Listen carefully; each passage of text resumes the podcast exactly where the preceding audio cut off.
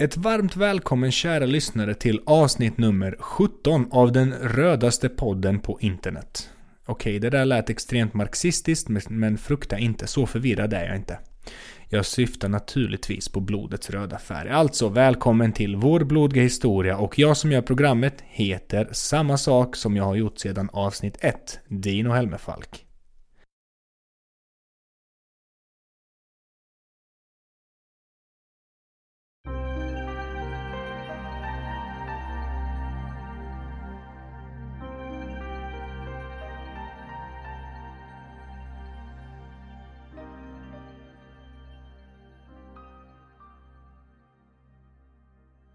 Dagens ämne handlar om det skånska kriget. Ett mycket intressant ämne som jag sett fram emot att göra här i podden, men inte nog med det. Jag ska nämligen också föreläsa om ämnet. Detta avsnitt släpps söndagen den 28 oktober och kommande torsdag, alltså den 31 oktober, gör jag den första föreläsningen i en serie om det skånska kriget.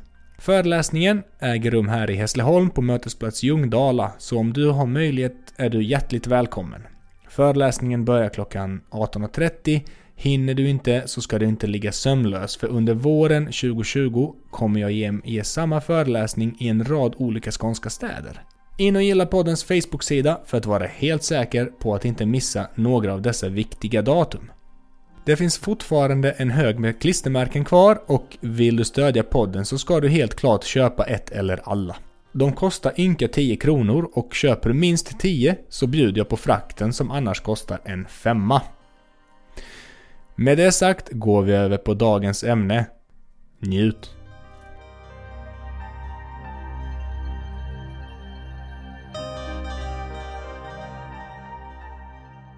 Man kan med trygghet påstå att 1600-talet, eller det långa 1600-talet som det ibland kallas, har för de flesta historieintresserade svenskar en särskild ställning.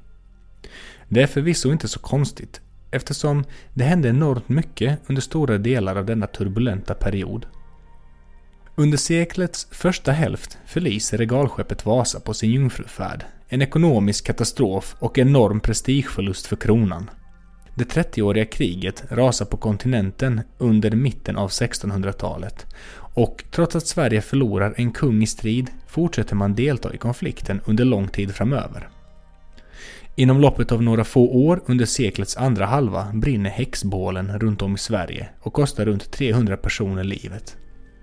Drottning Kristina skapar skandal 1654 när hon, dottern till protestantismens försvarare Gustav II Adolf, väljer att konvertera till katolicismen och abdikera från tronen.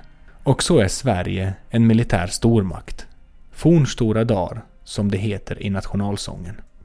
Ärkefienden Danmark är två ord som man ofta hör sägas ihop när någon sakkunnig pratar om perioden. I nästan 400 år befann sig de båda länderna i ett mer eller mindre konstant krigstillstånd. Kollar man på Wikipedia så är 13 krig listade mellan Danmark och Sverige. Men varför var man så fientligt inställd mot just Danmark och vice versa?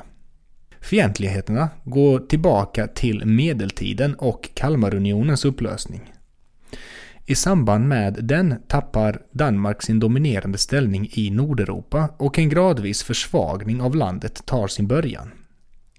När Sverige bildas under Gustav Vasa börjar man snegla söderut.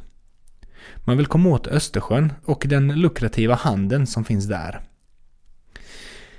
Mellan havet i söder har man de danska Skånelandskapen, vilket gör att detta lilla område blir föremål för en rad krig 1600-talet är alltså ett sekel utan motstycke för den svenska historieskrivningen. Och nu ska du som tar del av detta avsnitt få ett tips. Här kommer det. Gör en podcast eller blogg som heter något i stil med 1600-talets Sverige. Jag lovar, du kommer aldrig få slut på material.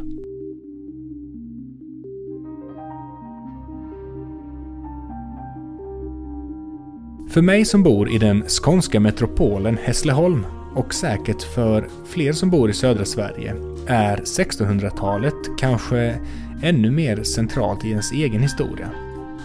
För 1658 äger freden i Roskilde rum mellan Sverige och Danmark. I samband med detta överlåter Danmark i princip hela sin östra rikshalva till Sverige. Skåne, Blekinge, Halland och Bornholm, som historiskt kallas för Skåneland, övergår alltså till den svenska kronan under Karl X Gustav. På Bornholm gör man dock uppror året därpå. Upprorsmän slår ihjäl den svenska ståthållaren, seglar över till Danmark och söker skydd av kungen, vilket man också får. Sverige kunde inte göra så mycket åt det, men i samband med freden i Köpenhamn 1660 fick den danske kungen ersätta sin svenska motpart ekonomiskt. Detta gick till så att han fick lösa 18 adelsgods från sina tidigare ägare i Skåne och överlämna dem till den svenska kronan. Men de tre övriga landskapen, alltså Skåne, Halland och Blekinge, förblev i svenska händer och är så som bekant ännu idag. Övergången från att vara danska till att vara svenskar gick till en början enkelt eftersom den svenska kronan valde att låta samma regler och lagar gälla i Skåne som under tiden det varit danskt, även om helt andra lagar rådde i andra delar av det svenska riket. Under den här tiden var Sverige nämligen en så kallad konglomeratstat som bestod av en rad mer eller mindre autonoma delar. Det lättaste sättet att göra en modern jämförelse är att se det som ett företagskonglomerat där en rad mer eller mindre självständiga företag samarbetar under en gemensam flagg eller mål. En rad om olika områden kring Östersjön med olika relationer till kronan i Stockholm och som administrerades på olika sätt kan man säga. Invecklade stadsbildningar med drag av konglomerat är i sig karaktäristiskt för den tidigmoderna tiden och Sverige är inget undantag. Det är också viktigt att förstå att invånarna i 1600-talets Sverige och Danmark, liksom i de flesta andra länder vid den här tiden, inte direkt är medborgare så som vi tänker oss det i ett modernt samhälle.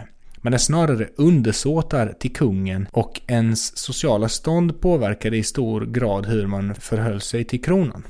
Detta berodde i stora drag på vilka privilegier eller skyldigheter som gavs av kronan till respektive stånd. För den genomsnittliga personen gör det mycket lite om någonting alls vem som är ens kung, i det vardagliga livet alltså. För samhällets högre skikt spelar detta dock större roll. I Skåne drabbades handlare och köpmän extra hårt till följd av de tullar som nu gällde mellan Danmark och Sverige när de var danskar kunde de ju handla fritt över sundet.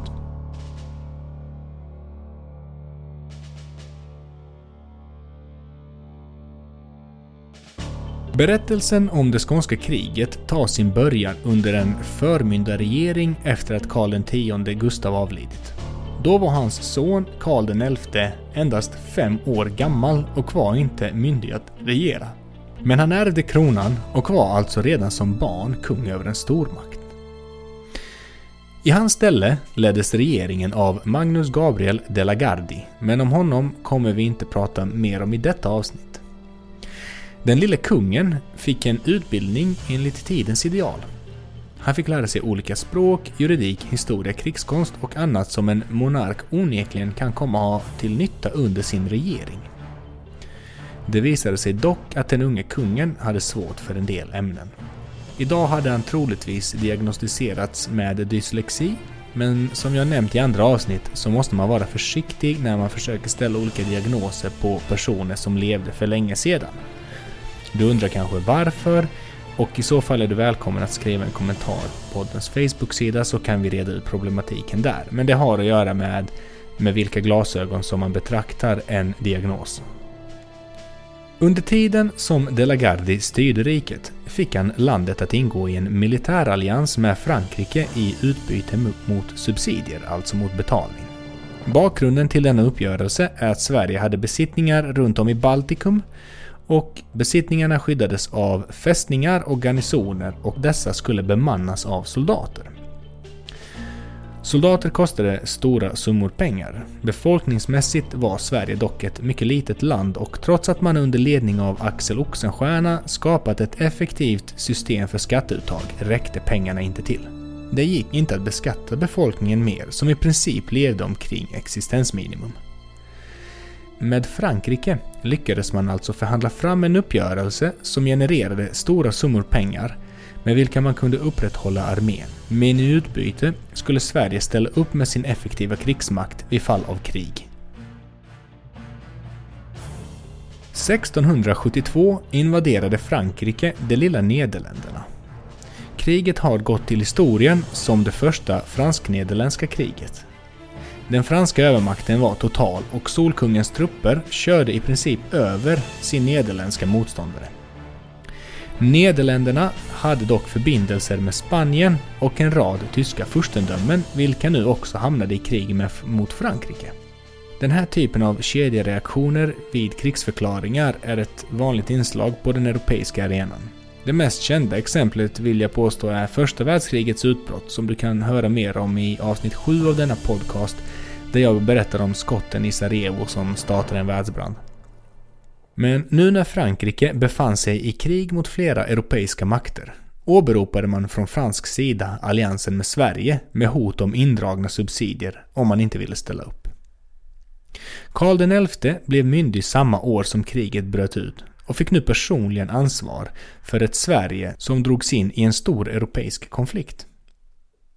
Utan att formellt förklara krig gick en svensk här in i det tyska furstendömet Brandenburg 1674 och året därpå förklarade Nederländerna Sverige krig.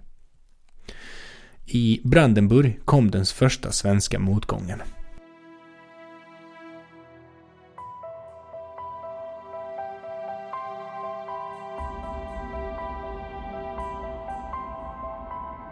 Den 28 juni 1675 var den svenska armén i Brandenburg i rörelse. Efter mindre lyckade skärmytslingar hade den splittrats och försökte återfå sin enhetlighet och ansluta sig till allierade trupper från furstendömet Brunsvik. Det som stod mellan svenskarna och brunsvikarna var floden Rin och bron som gick över den vid staden Feberlin. Till de svenska befälens förtret hade fienden lyckats förstöra denna övergång och det enda som återstod var att mötas i ett öppet slag. Och även om den svenska hären var marginellt större så ville man helst undvika detta slag. De svenska trupperna befann sig mellan träskmarker med floden Rin bakom sig och hade därför begränsat manöverutrymme. Brandenburgarna kunde däremot placera sina kanoner på kullar från vilka de kunde få bra skottfält samtidigt som deras här var samlad. Till skillnad från den svenska då som var uppdelad i två grupper.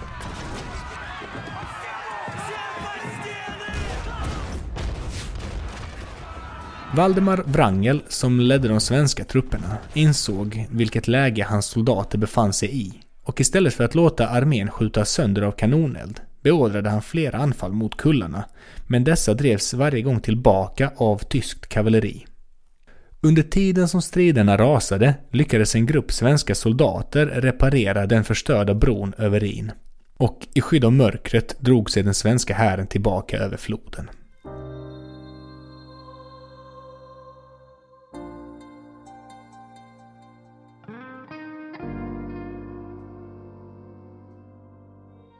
Följande dagar utvecklades reträten till en flykt. Inte nog med att brandenburgska trupper förföljde den svenska slagna hären, så angreps den även av fientligt inställda bönder. Många av dem hatade svenskarna och hade fortfarande minnen från det 30-åriga kriget och de illdåd som soldaterna under Gustav II Adolf åsamkat lokalbefolkningen. Svält, desertering och överfall blev den svenska arméns fall och få av dessa soldater kom i slutändan att överleva. Slaget vid Febelin var knappast ett av de större slagen som Europa skådat. Men dess inverkan på Sveriges status blev ödesdiget. Sverige var en militär stormakt. Visst, man hade lidit förluster som den vid Nördlingen under det 30-åriga kriget. Axel Oxenstierna, som i praktiken regerade Sverige under drottning Kristinas förmyndarregering, sägs ha legat sömnlös två nätter i sitt liv. Det ena när han fick höra att Kristina abdikerat och det andra när nyheten om förlusten vid Nördlingen nådde honom. Mer om detta kan du höra i poddens avsnitt nummer 12 där jag pratar med professor Marie-Louise Rodén om drottning Kristina och den tidigmoderna tiden. Den här lilla anekdoten om Axel Oxenstiernas sömn kommer också från Marie-Louise Rodén i det avsnittet. Sverige hade i stort sett haft en lång rad militära segrar under 1600-talet. I det senaste kriget mot Danmark hade man dessutom lyckats vinna hela den danska östra rikshalvan, alltså Skåneland. Detta hade varit en katastrof för Danmark och från danskt håll såg man Roskildefredens villkor bara som något tillfälligt. Nu efter förlusten vid Febelin såg Sveriges fiender att Sverige inte var oövervinneligt. En som bevakade från kulisserna var den danske kungen, Kristian V. Sverige stod nu i princip utan försvar och Kristian ville ha revansch och med den Skåne, Blekinge och Halland. Vi har nu avhandlat bakgrunden till det skånska kriget. Just den här delen om bakgrund är något som jag själv saknat vid olika presentationer av kriget som jag tagit del av, men jag tror att du som tar del av detta avsnitt nu kan placera in kriget i en bredare historisk kontext. Om två veckor är vår blodiga historia tillbaka med avsnitt nummer 18, men innan dess ska jag föreläsa om det skånska kriget på Mötesplats Ljungdala i Hässleholm. Om du har möjlighet är du hjärtligt välkommen den 31 oktober klockan halv sju. Arrangören bjuder på eventet så entrén är gratis för dig som vill besöka. Glöm inte att om du vill stödja den här podden ska du skriva en recension på Facebook. Om du använder iPhone eller en annan Apple-produkt som du har betalat helt onödigt mycket för och lyssnar på poddar genom den så gör du mig en enorm tjänst om du ger mig ett omdöme på iTunes eller Podcaster eller vad det nu heter. Detta är den viktigaste platsen för trafiken för poddar och bra betyg hos Apple betyder att många nya lyssnare hittar mig. Vill du swisha mig en sympatikrona eller två så går det att göra på 070-6177 812. Jag tackar dig som har lyssnat. Ha det fantastiskt. Hejdå!